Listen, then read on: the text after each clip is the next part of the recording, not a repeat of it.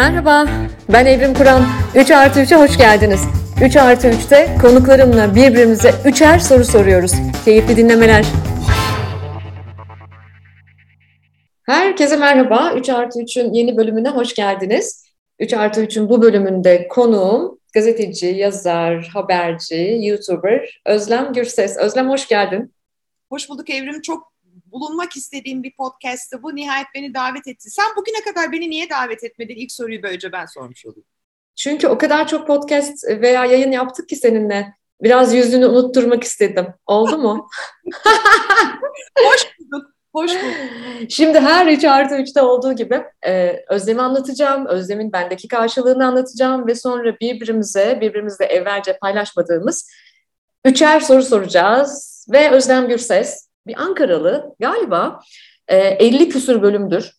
3 artı 3'e en çok katılanlar Ankaralılar ve bunu özellikle seçiyor falan değilim sevgili dinleyici. Denk geliyor işte kalp kalbe karşı diyelim. Özlem Ankara'da doğdu.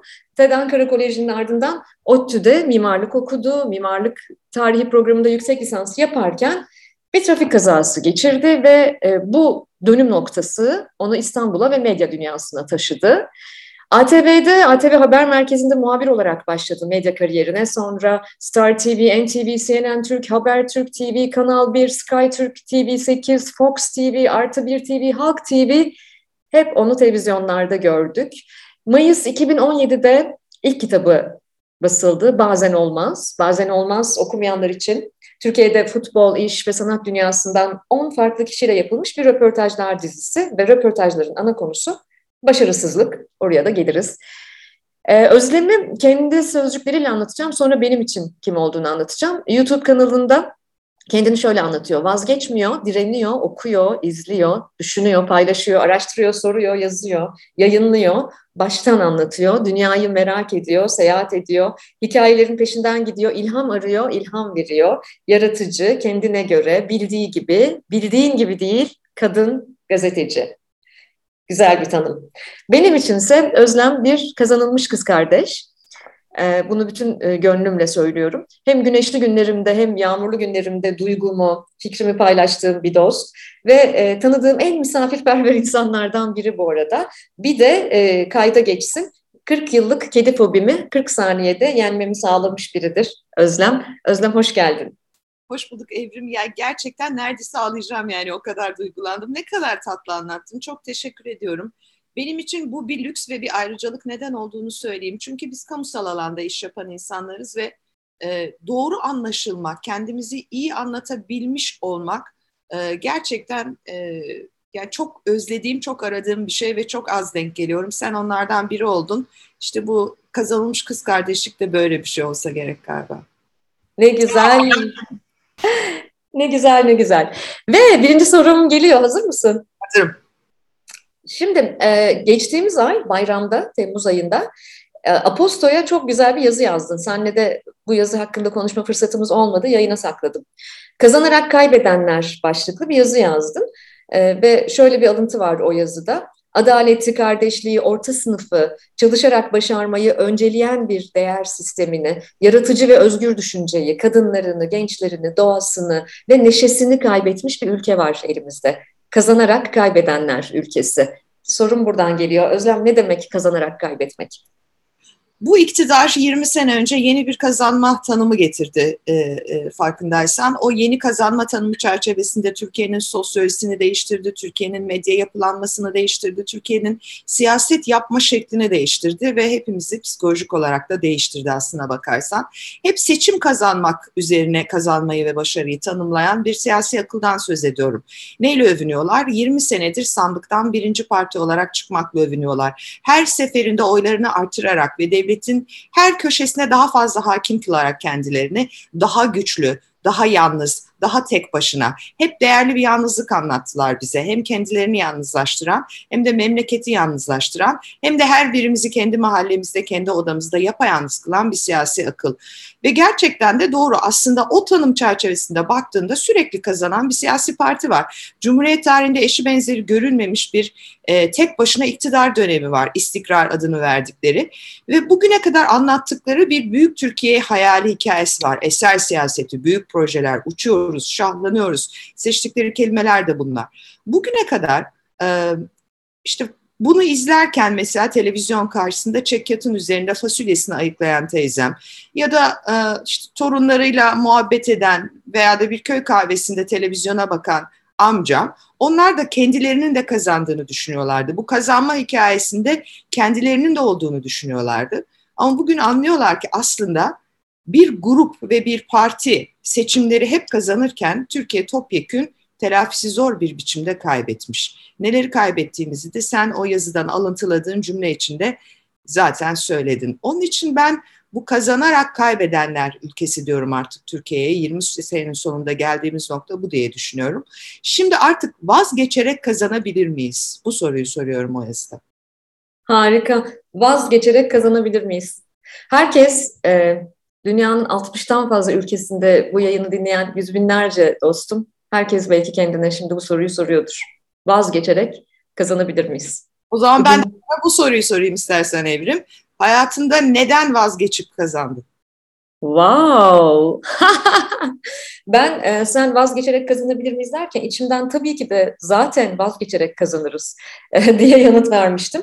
Çünkü e, hep bize şey diyorlar, e, bırakma, pes etme, vazgeçme, işte istikrar, sürdürülebilirlik bütün e, kağıt üzerinde onaylanmış kurumlarda bize bunu anlatıyorlar. En azından ben kendimi bildim bileli bu böyle. Fakat e, Seth Godin, benim çok sevdiğim Seth Godin'in e, Dip diye bir kitabını okumuştum. Orada o incecik minicik kitapta, e, İngilizcesi de The Dip, Türkçesi de Dip kitabın. O incecik kitapta Seth Godin şunu söyler. Size derler ki asla vazgeçme, devam et, pes etme, bırakma, e, halbuki kazananların hiç vazgeçmeyenler olduğunu söylerler de gerçekte kazananlar ne zaman vazgeçeceğini, ne zaman, neden, kimden vazgeçeceğini bilenlerdir. O yüzden vazgeçmen lazım der. E, yıllar önce okuduğum bu kitap beni çok etkilemişti gerçekten. E, ben kazan, e, ben e, kazandım, e, vazgeçtiğim zamanlarda kazandığım oldu. Neyi kazandım? Ama en çok kendime sadakatimi, kendime verdiğim sözleri, kendim ile e, buluştum vazgeçtiğimde. İlişkilerden vazgeçtim, evlilikten vazgeçtim, e, kariyerden vazgeçtim. E, çok yapısal, yapılandırılmış ve bana gerçekten ömrümün sonuna kadar güvenlik vaat eden bir kariyerden vazgeçtim. Hmm, an geldi ülkemden vazgeçtim. Doğduğum, büyüdüğüm kentten vazgeçtim. Bunların hepsinin bedeli çok büyük oldu. Canım da çok acıdı. E, bunların önemli bir kısmını biliyorsun, tanığısın. Ama bir sabah kalktım ve ne kadar onurlu bir kazanmakmış bu dedim. Buna bir örnek verebilir miyim? Sen bir örneksin ama bir başkası daha bir örnek. Çok yakın tarihte yaşandığı için mutlaka söylemek istedim, e, ifade etmek istedim. İlhan İrem mesela ne kadar muazzam bir vazgeçiş hikayesi değil mi? Yani kendi kenarına çekilmesi, kendi köşesine çekilmesi, siyahlar giymesi ve ben bu kalabalığın içinde kendime ihanet eden bir adama dönüşmek istemiyorum deyişi e, ve ondan sonra da e, yani vedasını da gördük. Hani şu aralar biliyorsun başka isimlerin de sağlık sorunlarıyla ilgili Twitter'da paylaşımlar var. Hadi ismini de vereyim. Yani Hıncal Uluç'la ilgili yazılanları gör. Bir de mesela İlhan İrem'le ilgili yazılanları gör. Onun için bu vazgeçmek, kazanmak, kaybetmek meselesini yolculuğun içindeki bir an değil, yolun sonundaki bir hal gibi düşünmek lazım ve galiba orada kendine ihanet etmeden o kararları alabilmek lazım. O cesareti alabilmek lazım. Vazgeçmenin bir cesaret olduğunu ben yaşayarak öğrendim. Evet, senin de ne kadar çok vazgeçiş hikayen olduğunu biliyorum. Zaten geleceğim oralara da ama çok güzel bir soruydu. Yine ben biliyorum ki dinleyenler bize, bizi dinleyenler kendilerine bu soruları soruyorlar. İlhan İrem demişken de e, bu da e, kayda geçsin, tarihimizde kalsın. E, çok çok sevdiğim, e, tanışma fırsatım olmayan ama çok e, e, çok beslendiğim biriydi. Bana dinleyici sık sık işte şu kişiyi de konuk alır mısınız, bu kişiyi de konuk alır mısınız diye yazar. İlhan İrem de bunlardan biriydi. Ve ben çok hayal ediyordum bir 3 artı 3'te onu misafir edebilmeyi, onunla sohbet edebilmeyi. Kısmet olmadı. Belki bir başka zamanda, sınırları olmayan başka bir alemde. Ruhu şad olsun. Buradan da onu analım. Ve e, ikinci soruma geçiyorum. Bu ara kafama çok takılan bir şey var. Ee, birkaç kişiyle konuşmaya çalıştım ama içime sinmedi. değerlendirmeler. Kendim de içinden bazen çıkamıyorum. Sana sormak istedim bu soruyu. Ee, elbette benim de örgütlü kötülükle, bu dipsiz vasatlıkla, bu kifayetsiz muhterislikle ilgili, bu utanmazlıkla, bu özensizlikle, bu nobranlıkla, bu izansızlıkla ilgili memlekette türlü dertlerim var. Her anlamda. Ee, markette alışveriş yaparken, bir proje yaparken, bir iş yaparken, günlük hayatımda. Ee, ve bu beni şöyle bir şeye getirdi. Her şey sınıfsal mı? Hayatta her şey gerçekten sınıfsal mı? Bu yüzden mi biz bunları yaşıyoruz? Yani bugün geldiğimiz nokta biraz öyle gibi gösteriyor değil mi? Yani kimlik siyasetinin çok ötesinde bir noktaya geldik. Aslında meselenin e, varlıkla yokluk arasındaki dengesizlik olduğunu, e, eşitsizlik olduğunu, adaletsizlik olduğunu daha iyi anladık. Oysa ki bize ne denmişti? İşte kahveyi bile biliyorsun şeyle ısmarlıyoruz artık.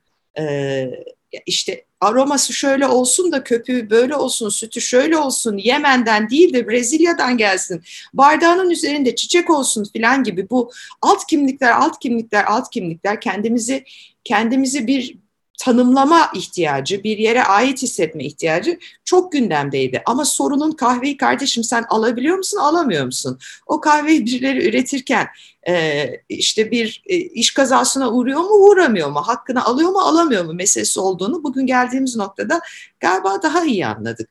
Şimdi hep e, bize öğretilmiş bir şey var ya, dünyanın kaynakları sınırlı. Değil aslında. İnsanın hırsı sınırsız. Problem buradan kaynaklanıyor. Her şey olması gerektiği gibi aslında. Her şeyin dengesi muazzam kurulmuş aslında. Şimdi diyorlar ya bu köpekleri ne yapacağız? İşte efendim çok fazla köpek var sokakta. Yok efendim çok fazla köpek var, e, e, kedi var sokakta. E peki çok fazla insan var gezegende. Onu ne yapacağız mesela? Yani çılgınca üreyen bir tür, vahşi bir tür ve hep daha fazlasını isteyen bir tür. Yetmiyor, bir türlü doymuyor. E, o yüzden ben e, her şey sınıfsal mı soruna önemli ölçüde her şey sınıfsal diye bakabilirim. Ama sadece sınıfsal değil galiba. Yani sınıfsal şöyle bir şey çünkü sınıfsal e, bir siyasi aklık beraberinde getiriyor, bir ideolojik yaklaşımı beraberinde getiriyor, bir ekonomik e, modeli beraberinde getiriyor insanın aklına. Sadece bir yoksulluk veya işte zenginlik ve haksız kazanç ve adaletsizlik değil. Bunun ötesinde bazı e, benim sıkışmak istemediğim bugünün dünyasında bazen dar kalabilecek bazı kavramsallaşmışlıkları getiriyor. Ee, her şey sevgisel bana bakarsın, bana sorarsan Evrim. Tam burayı tekrar edeyim. Her şey sevgisel. Yani çok nefret dolu bir dünyaya geldik biz. İnsanlar kendilerini o kadar sevmiyorlar ki başkalarını da sevemiyorlar. Yani bu böyle bir dünyada her şey sevgisel bence. Önce bunu nasıl değiştirebiliriz? Bu karanlıktan nasıl çıkabiliriz diye bakmak lazım bence. E, yalnız hissetmemizin sebebi de bu. Hikayesini kaybetti insanoğlu. Şimdi sen Z kuşağı araştırmaları yapıyorsun, gençlik e, araştırmaları yapıyorsun. Orada da görüyorsun hikayesini kaybetti. Bir bir bağ kuramıyoruz. Kendi içimizle de bir bağ kuramıyoruz. Çevremizdeki doğayla da bir bağ kuramıyoruz.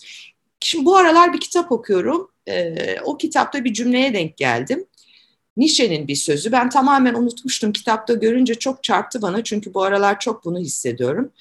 Diyor ki Nietzsche, doğanın içindeyken kendinizi muazzam huzurlu, keyifli, mutlu hissetmenizin sebebi doğanın sizin hakkınızda hiçbir görüşü olmayışındandır diyor. Harika. Çok sevdiğim bir ifadesi. Bununla ilgili bir yazı da yazmıştım vaktiyle. Harika. Bayılıyorum bu cümleye ve buradan da sana ikinci sorumu sormak istiyorum. Kendinle ilgili en sinirlendiğin ön yargılar hangileri? E, e, bu bu bu benim e, bir süredir üzerinde çok çalıştığım bir şey çünkü e, ben e, aynı zamanda davranış ekonomisi okudum hayatımın ilerleyen yaşlarından sonra ve yanlılıklarla, safsatalarla daha fazla karşılaştım. Ee, ve bir sürü bilinç e, bilin, bilinçli ön yargılarım olduğunu da fark ettim. Ee, bir sürü safsatalara inandığımı da fark ettim. Ee, galiba kendimle ilgili e, en kızdığım şey, e, en en e, en kendimi eleştirdiğim şey şu. E, ben bile bir çeşitlilik ve kapsayıcılık hocası olarak üniversitede ben bile bazen benim mahallemden olmayanlara şefkatle yaklaşmak konusunda zorluk çekiyorum. Benim mahallemden olmayanlara şefkatle empatiyle yaklaşmak konusunda bazen zorluk çekiyorum. Kendini bir mahalleye ait hissediyorsunuz ama. Bazen kendimi bir mahalleye ait hissediyorum. Türkiye'ye döndüm döneli bu daha da fazla böyle. Türkiye'de yaşamadığım yıllarda bu kadar bunun ızdırabını çekmiyordum. Ama biliyorsun ben bir süre önce Türkiye'ye döndüm ve çok kısa bir süre içerisinde yine canım memleketimde safsataların, e, yanlılıkların pençesine düştüm. e, bunun için kendimi sık sık kontrol ediyorum, kendimi sık sık dürtüyorum.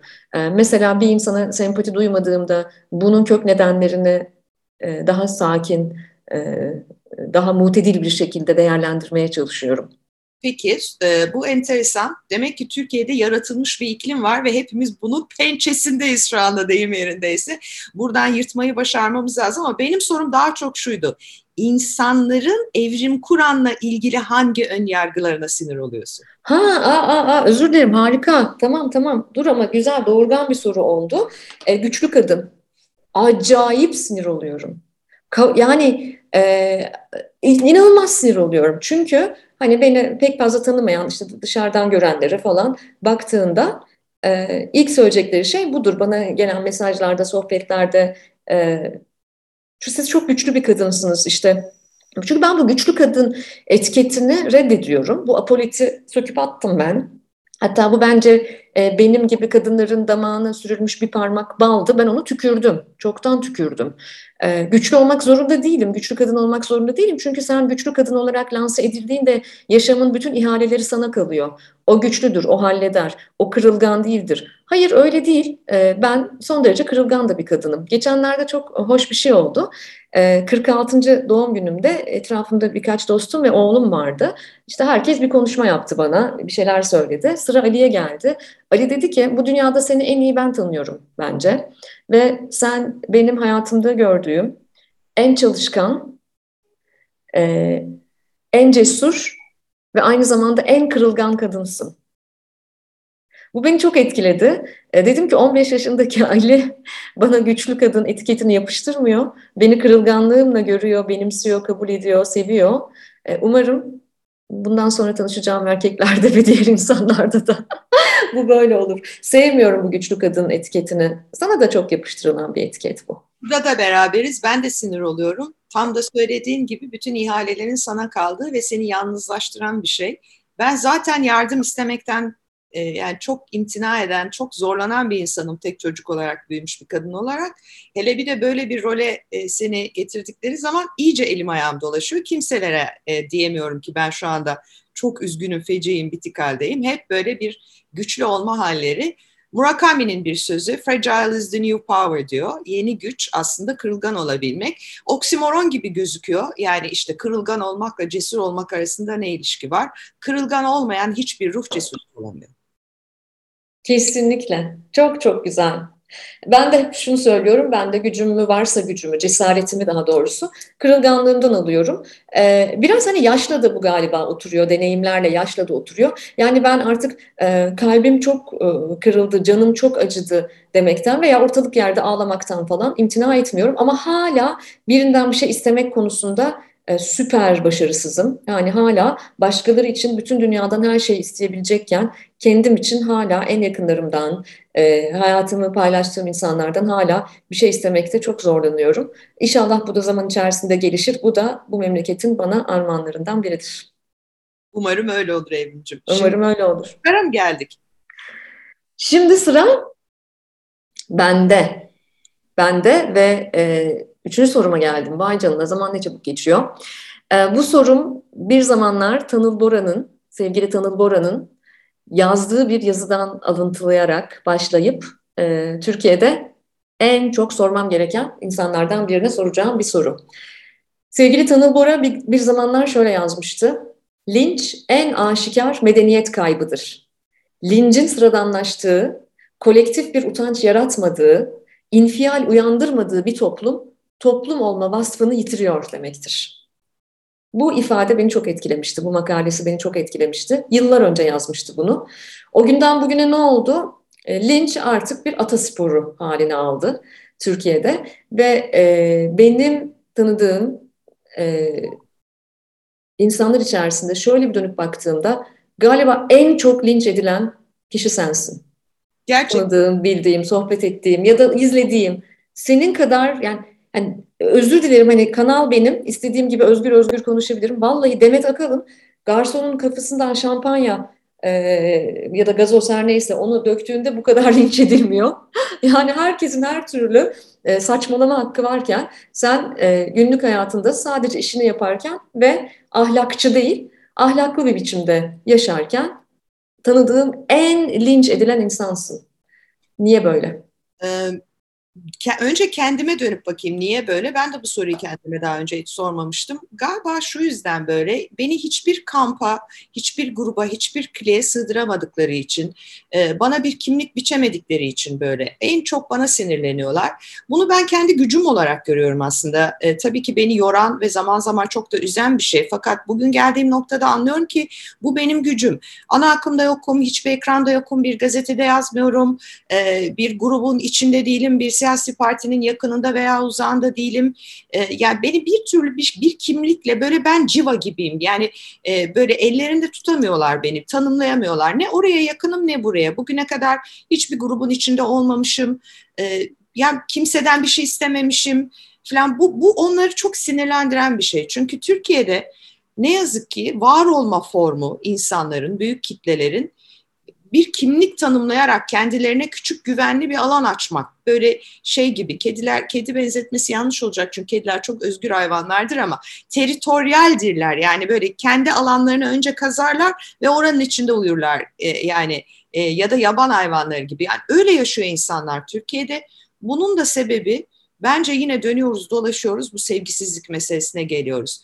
E, psikolojik olarak baktığımda da insanlar neden Türkiye'de bu kadar kolay linç ediyorlar. Hemen bir cümleyle, bir kelimeyle bir şey paylaşarak insanlara hakaret ederek ön yargıyla kişileri bir kalıba koymaya çalışıyorlar ve oradan bir puan veriyorlar deyim yerindeyse. Neden biliyor musun? Çünkü e, başkalarının sevgisini test ediyorlar. Bunu daha önce evlerinde yapamamışlar. Bir çocuk en çok annesinin babasının kendisine en yakın olan ve en çok güvenmesi gereken kişilerin sevgisini test ederek büyür. Ergenlik dediğimiz aslında tam olarak da budur. Oğlumdan e, e, örnek vereyim. Yani sınırlarını bilmek ister. Uzay nereye kadar beni zorlayabilir? Ne yaparsa sevgimi kaybeder. Ne yaparsa ben ee yeter artık diyebilirim. E, mesela çocuklar, küçük çocuklar 0-6 yaşta hatırla. Bir yandan anne babadan yeni yürümeye başladıklarında uzaklaşırlar. Bir yandan da dönüp bakarlar. Yani orada duruyor bu. Hala görüş mesafesinde mi? Yani çok korkarsa veya bir şey olursa geri dönüp koşup tekrar ona sarılabilir mi? Türkiye'deki aile modelinde bu çok eksik. İnsanlar biz böyle sevgi dediğimiz şey Türkiye'deki aile modelinde o çocuğa hükmetmek, onun dünyasını ele geçirmek, e, onun üzerinde bir hakimiyet kurmak. Oysa ki istenilen ve ihtiyaç duyulan psikiyatrik olarak da psikolojik olarak da o çocuğa izin vermek hata da yapsa, başarısız da olsa, yanlış da olsa onu sevmeye devam edebilmek. Bence Türkiye'de bu o kadar eksik ki herkes bir diğerini tanımadığı bir insanı linç ederek onun sevgisini test ederek ya da onun hanımefendiliğini, efendiliğini yani delirtmeye çalışıyorlar o insanı. Dur bakalım şimdi ben e, yani sakin kaldıkça daha da fazla. Şimdi daha da çok hakaret edeyim bakayım şimdi öfkelenecek mi? Gene olmadı. Beş tane daha tweet yazayım bakalım şimdi ne diyecek? Ve senin sakinliğini, senin yoluna devam edişini gördükleri zaman daha da olay öfkeye bürünüyor. Oysa ki ben biliyorum ki Evrim, o beni linç eden, o hakaretleri yazan, işte efendim o ön yargılarla bana yaklaşan insanlarla biz bir köy kahvesinde, bir belediye otobüsünde, bir deniz kenarında sahilde karşılaşsa ben desem ki ya sen niye bana böyle bir hakaret yazdın kardeşim? Eminim bir çay bardağında bir simitte buluşabiliriz. Üçüncü dakikadan sonra. Ben bunu yaşıyorum. Ya abla çok özür dileriz, öyleydi, böyleydi. Şimdi bu ne biliyor musun? Bu gerçekten de işte bu sevgiyi test etme ihtiyacı. Ben böyle görüyorum. Meselenin siyaset boyutundan daha fazla, politik boyutundan daha fazla psikolojik bir boyutu, sosyolojik bir boyutu olduğunu düşünüyorum. Orada tedavi olmadan toplumun değişebileceğini de zannetmiyorum. Bizim her şeye baştan başlamamız lazım. Aile ve anne babalık modelimizden itibaren. O zaman Türkiye'nin ergen olduğunu söyleyebilir miyiz bu anlamda?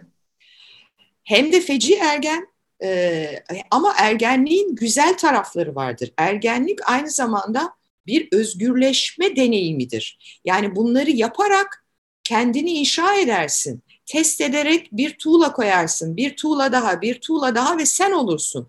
Kendini tanıma e, yolculuğudur ergenlik. Yani ergenliğin o özgür, isyankar kafasının güzel tarafları da vardır. Bu sadece ergenlik değil, aynı zamanda bir lümpenlik. Yani o senin vasatlık diye tanımladığın sığlık, sığlık, ergenliğin derin taraflarını yaşarsan ergenlik çok öğretici bir dönemdir. Ama bu aynı zamanda sığlık. Yani adam diyor ki ben ergenim ve hep ergen kalacağım. Yani oysa ki ergenlik bir büyüme ihtiyacının, bir dönüşme ihtiyacının kabuk değiştirdiği bir yolculuktur. Bir onu başarabilsek Türkiye'de hepimiz bir rahatlayacağız diye düşünüyorum ben. O zaman istersen benim üçüncü sorum gelsin şimdi sana. Haydi bakalım, haydi. Sen e, genç e, kuşak araştırmacısısın ve sadece son dönemde Z kuşağı e, diye bilinen kuşağı değil, Ondan önceki genç kuşakları da araştırdın ve muazzam kitaplar serisi yaptın. Şu ana kadar yazdın. Üç kitap var. Üçünü de okudum. Üçünden de çok şey öğrendim. Dünyaya bakışından çok şey öğreniyorum. Ee, yazılarına bayılıyorum. Instagram postlarındaki yaklaşımlarına bayılıyorum. Her seferinde senden yeni bir şey öğreniyorum. Ve bu bana heyecan veriyor. Çünkü arkadaşlık sadece sırt sıvazlama değil. Aynı zamanda birbirini büyüttüğün de bir şey olmalı. Ve birbirinden yeni bir şey, farklı bir şey. Hatta sana çok aykırı gelebilen bir şey duyabildiğin de bir şey olmalı. Onun için iyi ki varsın diyorum önce. E, ve sonra da şu soruyu sormak istiyorum. Çalıştığın kuşaklar arasında seni en çok etkileyen, en çok heyecanlandıran hangisi oldu ve neden? Um, aslında kapsayıcı olmaya ve hiçbirine torpil geçmemeye çalışıyorum ama itiraf etmem gerekiyor. Bebek bombardımanı kuşağı yani 1946-64 arası kabaca Türkiye'de varsaydı, doğduğunu varsaydığımız kuşak. Yani aslında Türkiye Cumhuriyeti'nin ikinci kuşağı diyebiliriz. İşte benim annemin babamın senin rahmetli babanın annenin kuşağı bu kuşak. O kuşak beni çok etkiliyor. O kuşağın olanca kaynak kıtlığına rağmen yaratıcılığı, e, ülkenin e, olanca kısıtlarına rağmen ürettikleri, e, olanca çatışmalı, e, 80 öncesi çatışmalı dönemlere rağmen kalplerini ortaya koyuşları, o kuşak beni çok etkiliyor. O yüzden de birinci kitabımda bol miktarda o kuşaktan da bahsetmiştim. Hatta şimdi yeni baskısıyla, güncellenmiş baskısıyla yeniden çıktı telgraftan tablete.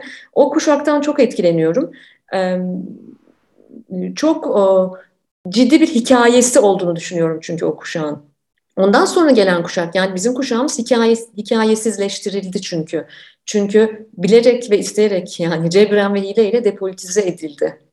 Dolayısıyla bir meselesi dünyaya, yaşama, ülkeye, e, daha iyi bir hayata dair bir meselesi olmaktan alıkonuldu. Sadece kendine dair bir mesele üretmeye, yaratmaya çalıştı. Şimdilerde biz geri döndük çünkü jenerasyonel sistem e, döngüseldir. Tarihin döngüselliğini baz alır. E, doğrusal bir sistem değildir. Şimdilerde oraya tekrar dönüyoruz ve bugün doğan yeni kuşakların ben tekrar e, dünyayla, e, memleketle bir meselesi olduğunu görüyorum. Bir meseleleri var. Bu da bana e, büyük bir umut veriyor, büyük bir heyecan veriyor. Peki oradan o zaman bu soruya bir yani soru soruyu doğursun istersen biliyorum 3 artı 3 ama arkadaşlığımızın torpiliyle hem gazeteci kimliğimin torpiliyle bir tane de ek soru sorayım. Hadi sor. Tamam. Ee, Ali'ye bakarken ne düşünüyorsun, ne hissediyorsun? Korkuların var mı, zaafların var mı? Önünde bir adam büyüyor. Evet senin oğlun ama aynı zamanda da bir adam. Ah. Nasıl o yolculuk senin için? Bir kere e, anayım ben ana e, ifadesine çok karşıyım. Yani anneler kutsaldır e, ezberinden. O da, bir tuzak zaten. Evet yani o da bir tuzak. Yani o bir anneler annelik kutsaldır işte anneler iyi anne olma falan. Ben iyi bir anne miyim onu bilmiyorum da çünkü e, çok da eleştiriliyorum yani işte nasıl küçücük çocuğu yıllarca o kadar bıraktın bıraktın Kanadalarda geldin. Şimdi Ali Eylül'de yatılı okula gidiyor. Daha 15 yaşında nasıl yatılı okul falan filan. E, tabii ki içim titriyor ama e, ben e, e Ali'nin annesi olmayı e, Jean-Paul Sartre'ın bir cümlesiyle hep e, tanımlarım. Yalnızdım ama bir kente yürüyen ordu gibiydim. Ona her baktığımda hissiyatım bu. Bir kente yürüyen ordu gibi hissediyorum kendimi. E, yalnız bir anne olmama rağmen. E, ve geçenlerde onunla da konuşuyorduk. E, biz sen ve ben ikimiz bir aileyiz ve aslında çok da kalabalık bir aileyiz deneyimlerimizle, duygularımızla diye. Tabii ki içim titriyor. Bir kere ben çok özlüyorum Ali'yi. Yani e, hayatta en sevmediğin duygu ne dersen de hani böyle ciğerimi parçalayan yani başka bir şeyle değiştirmek isterdim o duyguyu. Yani beni en çok yoran ne çok çalışmak ne dünyanın derdi ne hayat mücadelesi beni en çok özlemek yoruyor. Hiç sevmiyorum özlemeyi. Oğlumu çok çok çok özlüyorum. Ama e, bir yandan da e, fikri hür, vicdanı hür bir birey oluşuyor. Ona baktıkça bunu görüyorum. Ve yalnız değil, öyle o jenerasyonda çok var o fikri hür, vicdanı hür bireylerden. E, biz yeter ki ebeveynler olarak, yasa koyucular olarak, e, etkileyenler olarak bir parça rahat bırakalım. Rahat bırakalım onları. Hatta bugün de işte üniversite tercihlerini yapıyor Türkiye'de gençler. Bir parça rahat bırakalım hem onları hem kendimizi kendimizi de rahat bırakmıyoruz. Sürekli başkaları e, üzerinde tahakküm kurmak e, diye böyle bir güç denemeleri içerisindeyiz. O da çok yorucu bir hal. Çok güzel bir sohbetti Evrim ya. Çok teşekkür ediyorum. Sorular da çok güzeldi e, ve gerçekten soru soruyu doğurdu. E, formatı daha önce dinlemiştim. Sahiciliğinin demek ki kaynağı burasıymış. Biz yani bu kaydı almadan önce Evrim'le hakikaten hiç konuşmadık. Sadece ekranları açtık kayıt düğmesine bastı Evrim ve sohbet etmeye başladık. Ne ben e, onun bana ne soracağını biliyordum ne o benim ona ne soracağımı biliyordu. E, yani 40 dakika gerçekten su gibi aktı. Çok teşekkür ediyorum. Ben çok teşekkür ederim. İyi ki geldin. Bir kere benim konuklarım bana e, sevgiyle ve güvenle geliyorlar. Bu çok önemli. Çünkü bu işlerde işte e, Özlem'in işi bu. Ee, bir teamül var yani ne konuşacağız, ne yapacağız, içerik nasıl olacak falan. Bunlar bir konuşulur, yazılır, tartışılır. 3 ee, artı 3 öyle değil. Ee, tamamen keyfimiz için bunu yapıyoruz ve ihtiyacımızı karşılıyoruz aslında. Sahicilik, otantisite ile ilgili ihtiyacımızı. O yüzden e, benim konuklarımın da böyle bir özelliği var. O sahiciliğe gelip e, benimle dalan, bunun keyfini çıkaranlar. Bunun için sana ayrıca çok çok teşekkür ediyorum.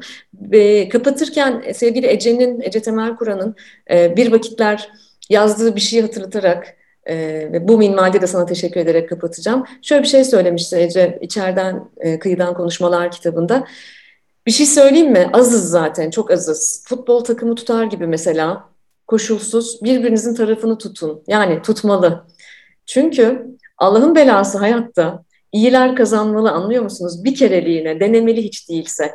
Berbat bile olsa bu fikir, komik bile olsa şu kadar basit. Ölmeyin, azız çünkü biz. Ölmeyelim Özlem. Şahane bir kapanışta Ece'yi de ne kadar özlediğimi e, düşündüm şu anda sen ondan alıntılarken. E, iyi ki böyle kadınlar var, iyi ki sen varsın.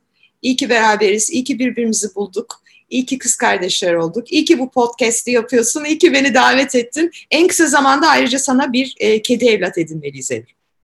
Artık hazırım. Korkmuyorum. Sana çok teşekkür ediyorum bana kedileri sevdirdiğin için. Çok teşekkürler.